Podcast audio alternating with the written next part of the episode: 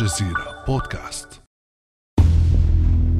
البعض يطلق عليها الحرب الباردة وآخرون الحرب العالمية الثالثة.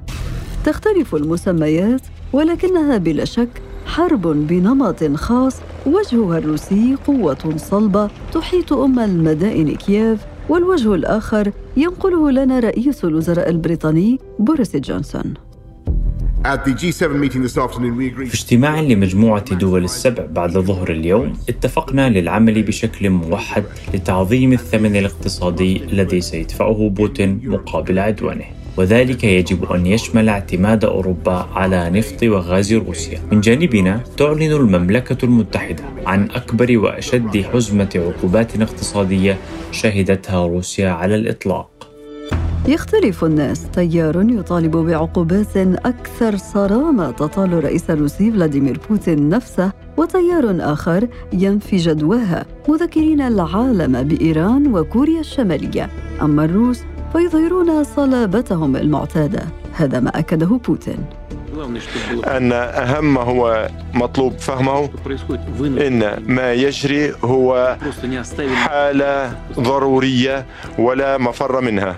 نحن جميعا نعرف بأي عالم نحن نعيش وحضرنا نفسنا لما يمكن أن يجري من عقوبات فما هي العقوبات التي فرضت على روسيا؟ وهل تردع بوتين عن التقدم في أوكرانيا؟ وكيف تؤثر على الروس والنخب الروسية؟ وما مستقبل روسيا في ظل هذه العقوبات؟ بعد أمس من الجزيرة بودكاست أنا أمال العريسي.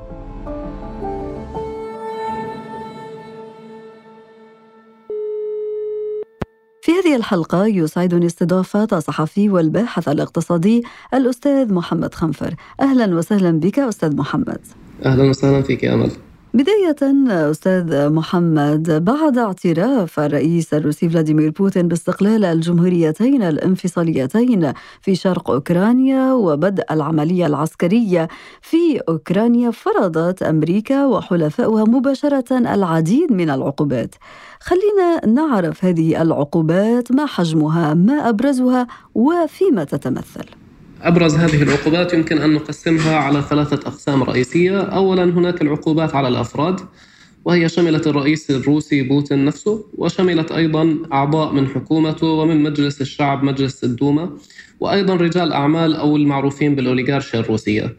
هذه العقوبات تهدف بالدرجة الأولى على أنها تأثر على ثرواتهم بهدف أنهم ممكن يضغطوا على بوتين أو على السلطات في روسيا بشكل عام حتى تثني روسيا عن إجراءاتها اللي يعني تمارسها الآن في أوكرانيا.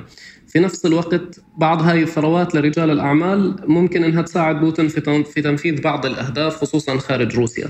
فهذول هم الهدفين الأساسيات لكن هذا النوع من العقوبات هو مش النوع الأهم والأبرز، النوعين الأهم والأبرز هم العقوبات اللي فرضت على المؤسسات المالية وتحديدا على البنوك.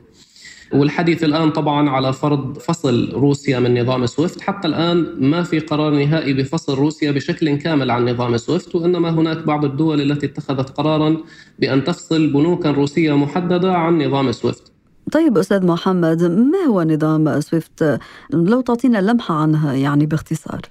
النظام سويفت هو النظام أو الآلية التي ينقل فيها العالم القيمة عن طريق المعاملات المالية، جميع المعاملات المالية أو أغلبها وأهمها تمر عن طريق نظام سويفت وهو طبعا يعني ممكن أن نقول شركة ولديها مجلس إدارة. كل التعاملات المالية الشراء، البيع، الاستيراد والتصدير يعني في أبرزها وفي أهمها تمر عبر هذه الآلية لنقل القيمة. فكل التعاملات المالية الروسية مع الخارج بالأصل يجب أن تمر في نظام سويفت، طبعا هناك له بدائل منها كونتاكت التركي، هناك أيضا نظام دفع روسي. لكنها لا تغني عن نظام سويفت المربوط في أغلب المؤسسات المالية المهمة في العالم. طيب ما هي الأضرار المباشرة التي نشهدها اليوم جراء هذه العقوبات؟ الأضرار المباشرة طبعا العقوبات بالدرجة الأولى تضر روسيا يعني أو سيظهر الأثر الكامل لهذه العقوبات بعد فترة طويلة، يعني نحتاج لشهور وربما لسنوات حتى نرى الأثر الكامل لهذه العقوبات، لكن بنفس الوقت الاقتصاد التوقعات الاقتصادية تأتي بالأثر بشكل مبكر وحتى ربما قبل أن تبدأ هذه العقوبات بالعمل على أرض الواقع.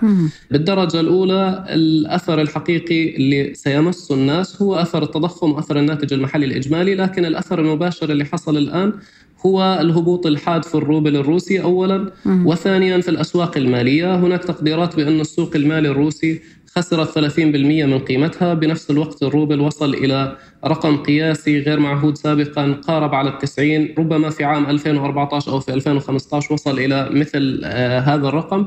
لكن كان من الممكن أنه ينخفض الروبل الروسي أكثر من ذلك. لكن الحكومة الروسية قررت أن تعلق تداولات الروبل والسوق المالي. هذا على الأقل حد من ظهور هذه الآثار وربما حد أيضا أو خفف من آثار هذه العقوبات. فالأثر الأساسي المباشر هو الأثر على الروبل وعلى الأسواق المالية في روسيا.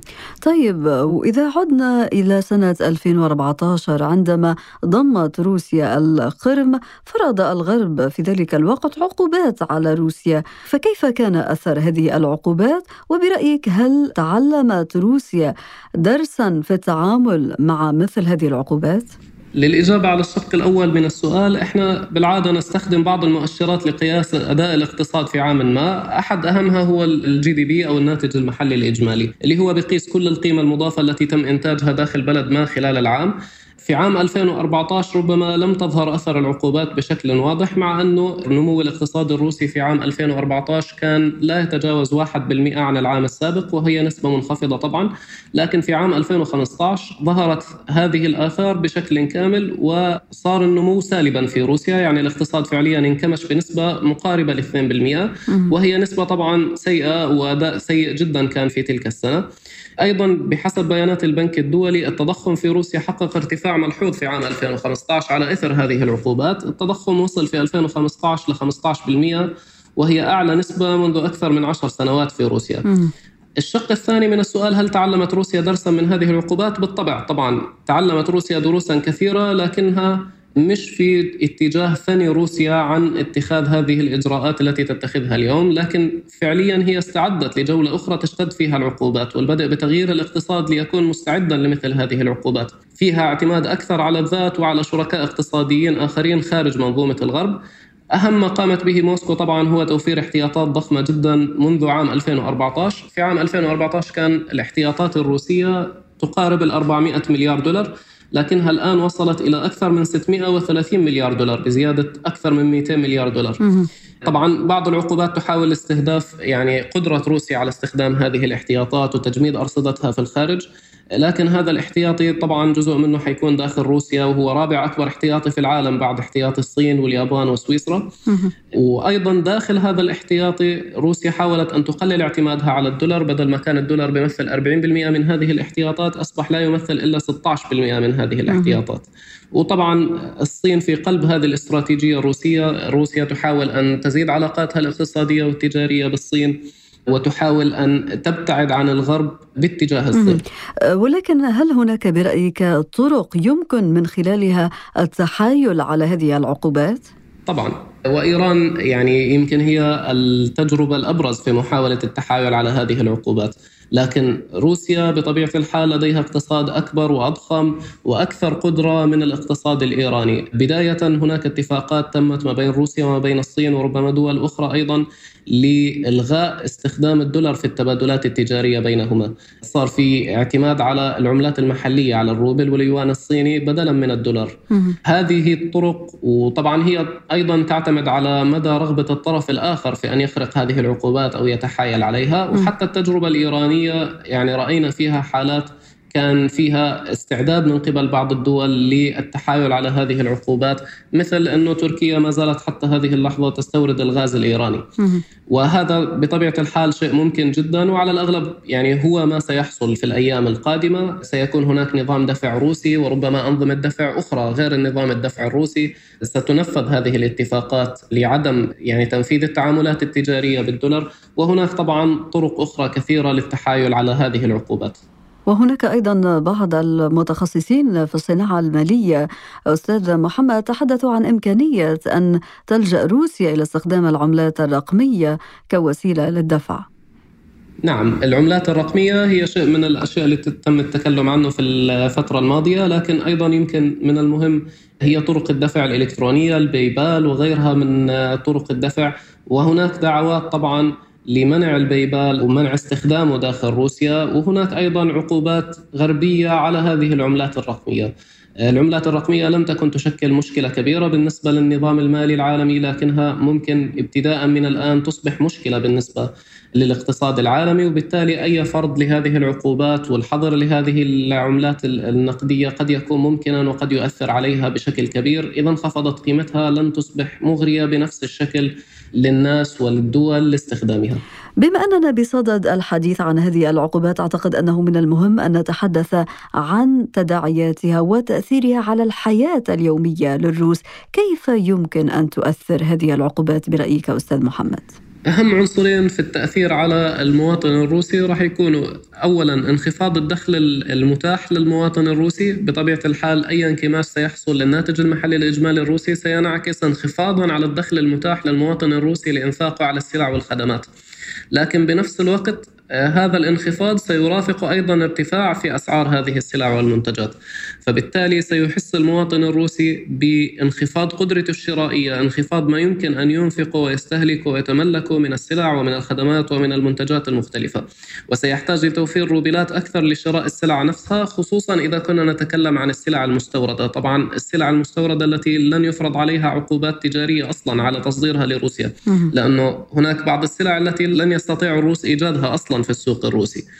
فهذول هم أهم عنصرين يعني سيشهدهما المواطن الروسي وتأثيرهما عليه في الأيام والسنوات القادمة وهو أصلا بدأ بإحساس بهذا الشعور منذ 2014 وحتى هذه اللحظة لكن العقوبات الآن دخلت في مرحلة ممكن إنه البعض يطلق عليها بالخيار النووي الاقتصادي. وبالتالي هذا الإحساس من المواطن الروسي من المرجح أنه سيكون في مستوى أعلى بكثير مما حصل سابقا. ورغم توسيع دائرة العقوبات أستاذ محمد فإنه لا شك أن تداعياتها ستختلف من فئة إلى أخرى برأيك من هي الفئات الأكثر تضررا من هذه العقوبات؟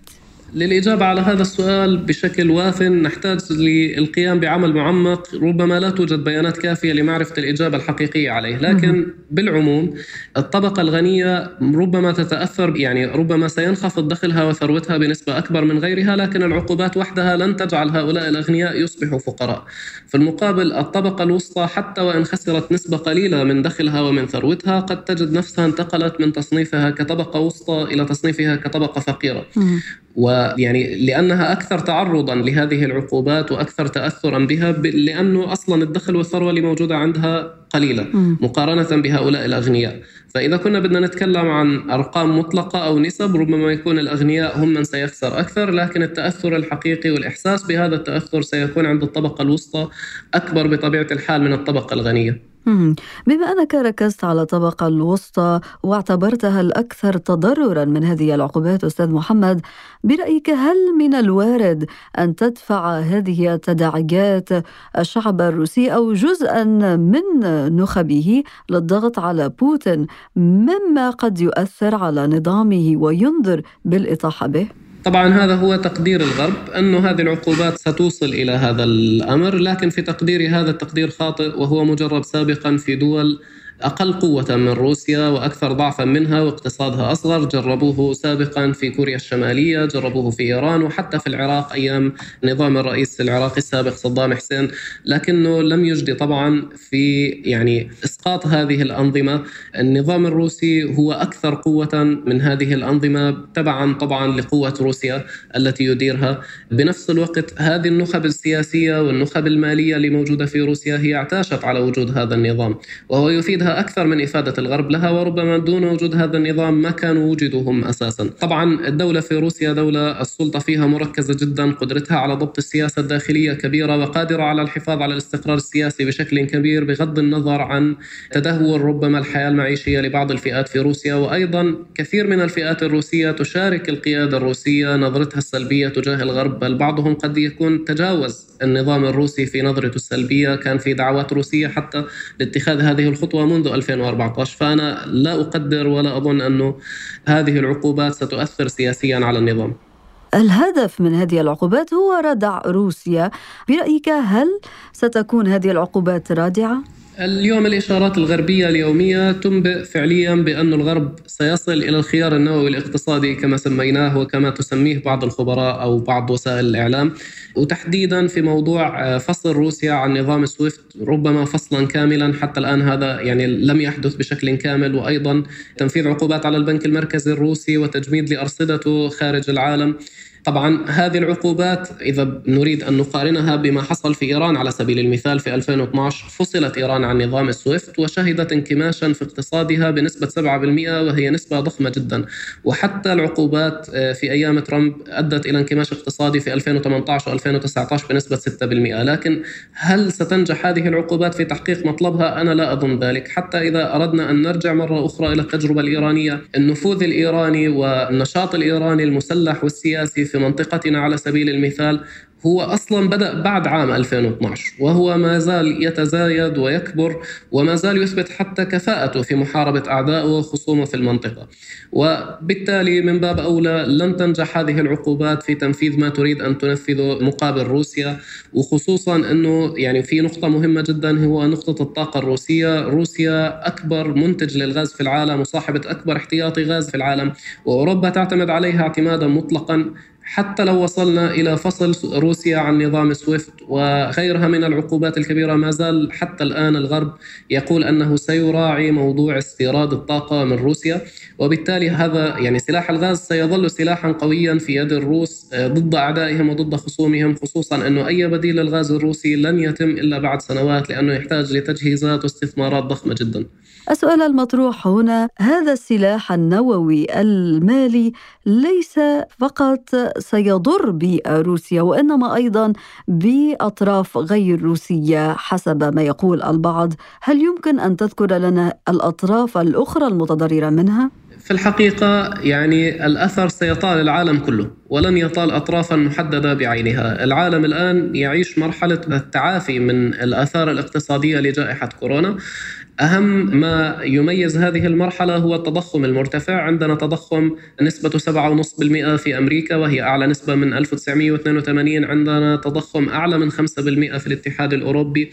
وهناك مشكلة تضخم في العالم كله. الآن يعني روسيا كونها مصدر للطاقة. ومصدر مهم جدا للطاقة في حال انقطاع إمداداتها أو تأثر هذه الإمدادات. فهذا يعني أن المعروض من الطاقة في السوق العالمي سينخفض وبالتالي سترتفع أسعار الطاقة وهو ما شهدناه أصلا في الشهور الأخيرة. سعر برميل النفط تجاوز ال 100 دولار. كذلك سعر الغاز حتى في الولايات المتحدة الأمريكية التي لا تستورد من روسيا ارتفع فيها سعر الغاز. وربما أيضا معدلات التضخم مرشحة للزيادة. فالعالم كله سيتأثر من هذه العقوبات ومن هذا الحرب. وبنفس الوقت هناك نقطة مهمة ثانية. أفضل طريقة لمواجهة التضخم هو أن ترفع البنوك المركزية أسعار الفائدة. حتى الآن أسعار الفائدة البنوك المركزية الرئيسية أبقت عليها منخفضة جدا. لكن الآن المتوقع حتى قبل الحرب أن تبدأ رفع أسعار الفائدة. هذا يعني زيادة التكاليف على كل المنتجين والمستهلكين في العالم.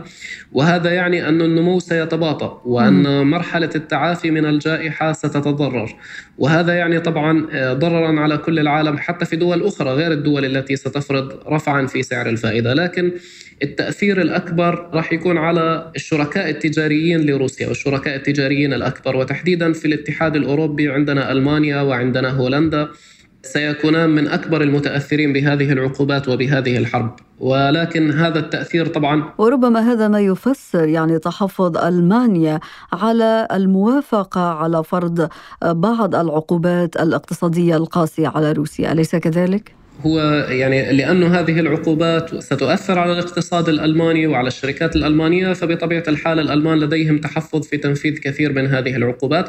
مع أنهم أبدوا في أكثر من مرة أنهما فعلا قد يوافقوا على كثير من هذه العقوبات لكن سيكون لها أثر أيضا على الألمان. في الختام أستاذ محمد روسيا تشهر سلاح الغاز الروسي في وجه خصومها الغرب.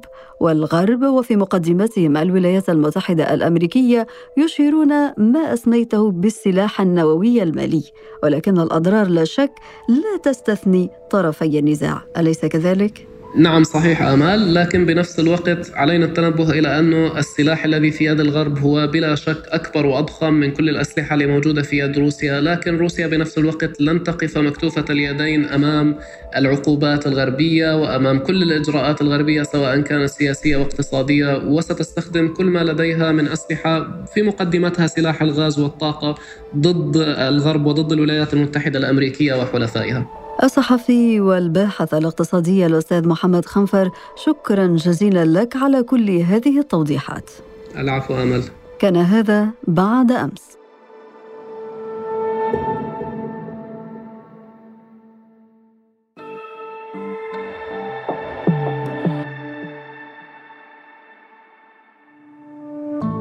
ابقى على تواصل مستمر مع الجزيرة بودكاست. ولا تنسى تفعيل زر الاشتراك الموجود على تطبيقك لتصلك الحلقة يومياً.